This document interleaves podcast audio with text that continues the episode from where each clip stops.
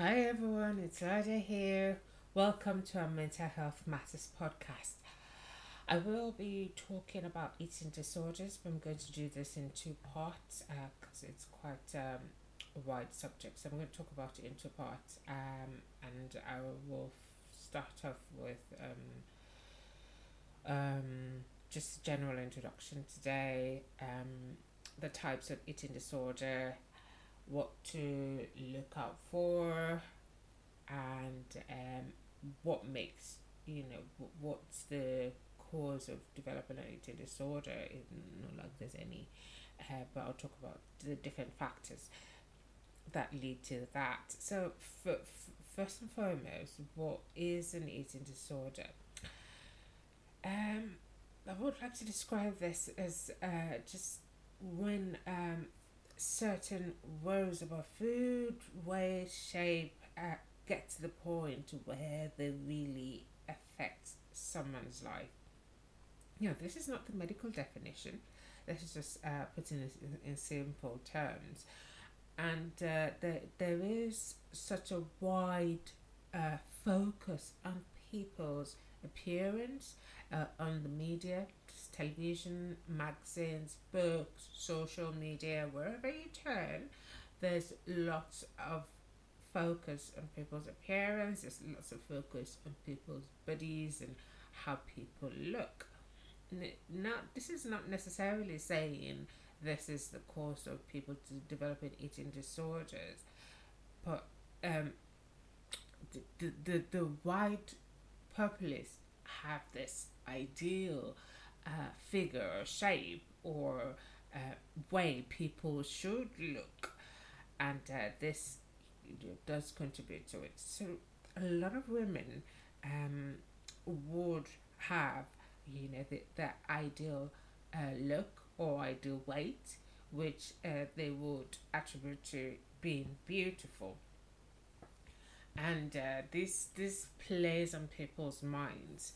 So when um when there's there's such intense worry about what people eat or how uh, they look and their shape, this is ultimately what, in simple terms, will become an eating disorder when it gets to the point where it affects their lives. So, firstly, um, a few things that people who have eating disorder tend to uh, say is that they can't stop talking about food. Uh, they have uh, maybe like a, a uh, like an ideal weight. Um, you know, I um, I know I'm six and a half stone, but if I could just lose another stone, I will be happy.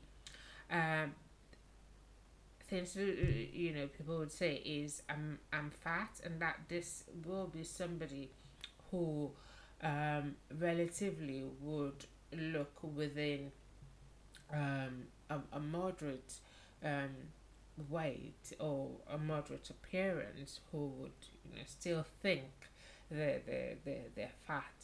Uh, and and also um, sometimes they they can um, you know, have days where they'll feel good and, you know, have normal meals, and there'll be days where they will not have any meal at all or have uh, just a fruit or a snack all day. So, now to go into the specific types of medical terms for eating disorders, there's uh, two grossly known types um, that that we generally talk about is anorexia nervosa and bulimia nervosa. There's also another one that has to do with um, uh, eating disorders not otherwise specified, which um, the mental health professionals, um, you know, did, come to this diagnosis based on certain criteria. So for anorexia, it's usually um, the, the res- restricted eating, which involves um, avoiding a lot of fattening foods or um, having certain um, just certain specific items that they they they will have during the day rather than full meals. Essentially, just reducing, restricting what they take in in terms of food. And then there's severe weight loss. There's uh there's the rapid weight loss within a short period, and then there's also um the the gradual weight loss, but in huge amounts. Uh, and they have uh, what we call low body low BMI, uh, which ideally would be below seventeen point five, uh, well seventeen point five or less. There is also that strong thinking relating to food, and um, that strong thinking of you know being fat when they're not there. There is that strong fear of uh, becoming fat or adding weight and um, it, this usually culminates in having a, a, much lower weight than the, the recommended healthy weight and uh, there's quite a, a, number of other things that come along with it like loss of hair uh, loss of periods and then going on um, and then they, they ultimately think they are are fatter than they actually are at that time. Going on to bulimia, there's there's the thinking about and craving food all the time. There's repeated episodes of overeating, which we often call uh, binging on high calorie foods. Then there's repeated attempts to avoid gaining weight by making themselves sick. Some use laxatives or some use uh, water tablets. You know, some over exercise. I should have mentioned this in anorexia as well. Some t- people tend to over exercise or um, go on a extreme dieting, and then there's also that dread of you know being fat and aiming for uh, a weight that's less than the healthy weight. There's also commonly um, you know, reduce self esteem that's related to their appearance and uh, the, the way that they look. There's uh, associated mood changes, and um, the for people with bulimia, the, the thing is usually um, that the BMI is uh, mostly above 75 or maybe normal or above normal, and um, they have there's there's this this uh, eating disorders not otherwise specified I talked about, which you know could have a, a feature of both of them combined, or um, there is that uh, uh, um, features of one but having other characteristics of another. There's also eating large amounts of food and then um, quickly um, you know trying to vomit this or purging. Um, well, there's no active purging in this one, um, but there's often a general um, um, reduction in weight as well. And then also with the eating disorders not uh, uh, not otherwise specified, some people have considerable difficulties, but it won't exactly match either of the other ones that I had talked about.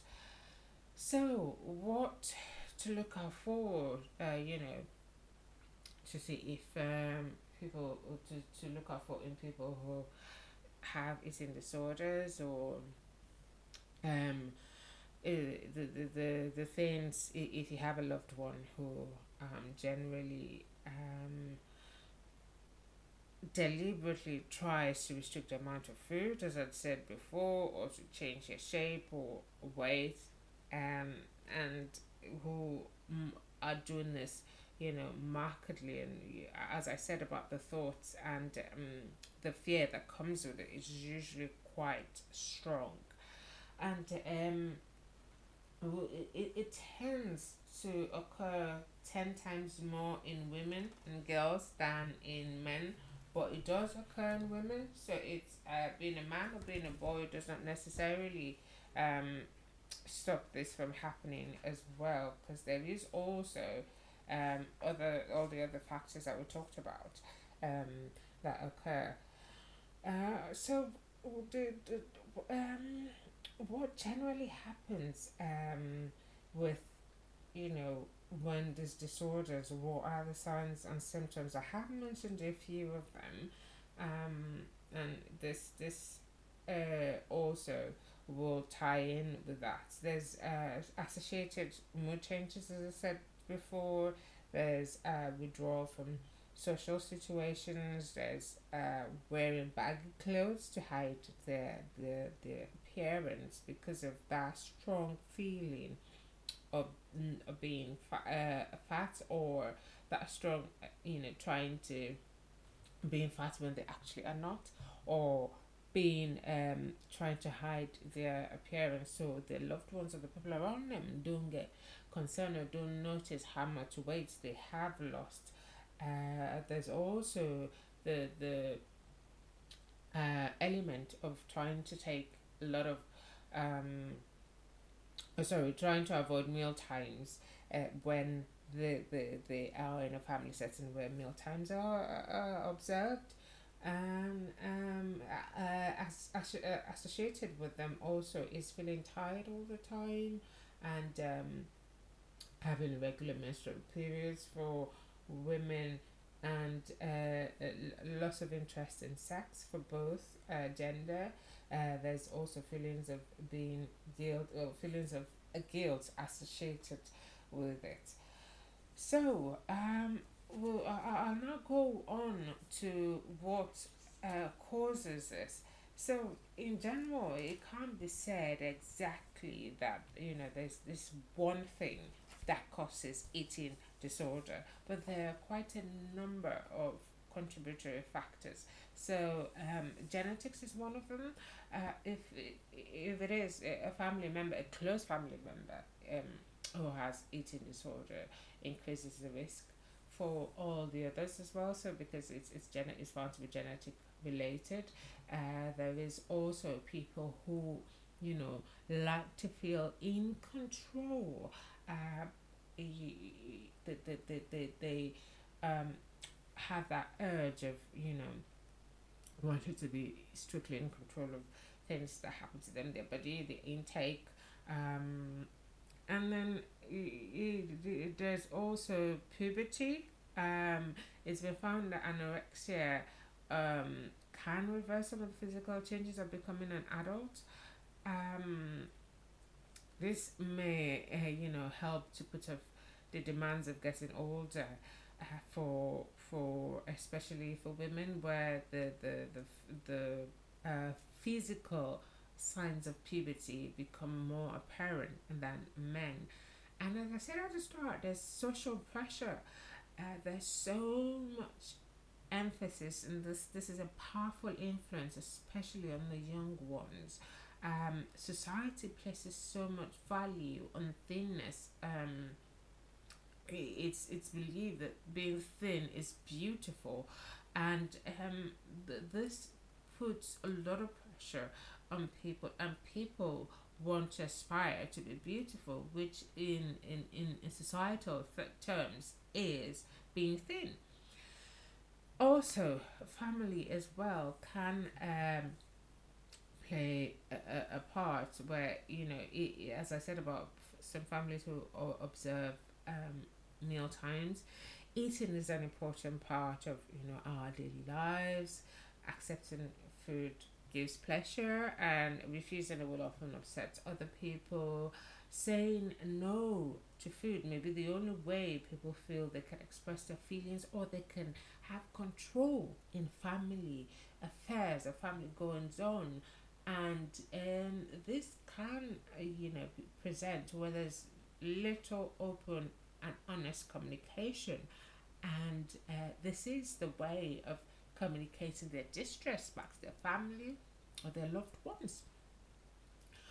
So, um, going on, low self esteem, as I said, um, is, is another thing uh, that you know um, can predispose to it, that can contribute to it. So, people who have either anorexia or bulimia don't really often think much of themselves always unfavorably comparing themselves to other people and that that desire to build up that self esteem and that confidence is, you know, trying to be thin and to be beautiful in, you know, uh, as as societal vi- places so much value on that. And uh, so that, that that brings us to the, the end of the contributory factors. There's quite a, a, a number of other ones, uh, like a, you know emotional distress, um, and then there's also the ones that are yet to be identified as well. A few other illnesses and treatments that they found to be um, it's uh, they found to have a, a, an increased incidence in such as people who have diabetes or cystic fibrosis, where there's uh, a lot of emphasis on um, what people take in. So this tend to predispose people to it. So um, there to, to there's different questionnaires that doctors use uh, or mental health professionals use to to weigh uh, and to check out um, eating disorders. But I, I won't talk about that today. I'll talk about this in the second episode, uh, where I'll focus more on um, you know tips and uh, how to help one's one uh, how to help oneself for those who have eating disorders and you know how to help your loved ones or family members that have eating disorders. So, what is generally the treatment? Generally um, the, the the treatment usually focuses on quite um, different modalities. Um, there's there's the psychotherapy end, there's the medical end as well, and, and there's also when they will require hospital treatment because um, you know the eating disorder has had quite a huge uh, significant, a, a significant effect on, on their physical health and um, you know their lives at risk or their physical health is at risk. So at this point, they have to admit them into hospital. So that is there. There's the hospital treatment. There's also the psychotherapy, which, if you recall from when I talked about the the the strong feeling and um, the dread, this um, uh, is something that has to be addressed to be able to uh, uh, to to be able to help the individual on of that has the eating disorder and um, there's also medications which um, doctors prescribe, and this is usually um, to help with um, the, the, the, anxiety or with the low mood changes that, that come along with eating disorder. And sometimes they do have to prescribe antipsychotics, but that is usually based on the treating psychiatrist's discretion and uh, the point they feel uh, an antipsychotic will be beneficial as they have to weigh the advantages or benefits of being on that as against the you know the risk. So how effective is the treatment? How do people ever recover? Uh, from statistics it shows that more than half of sufferers make a recovery. However this is usually after you know a long protracted period of um, illness.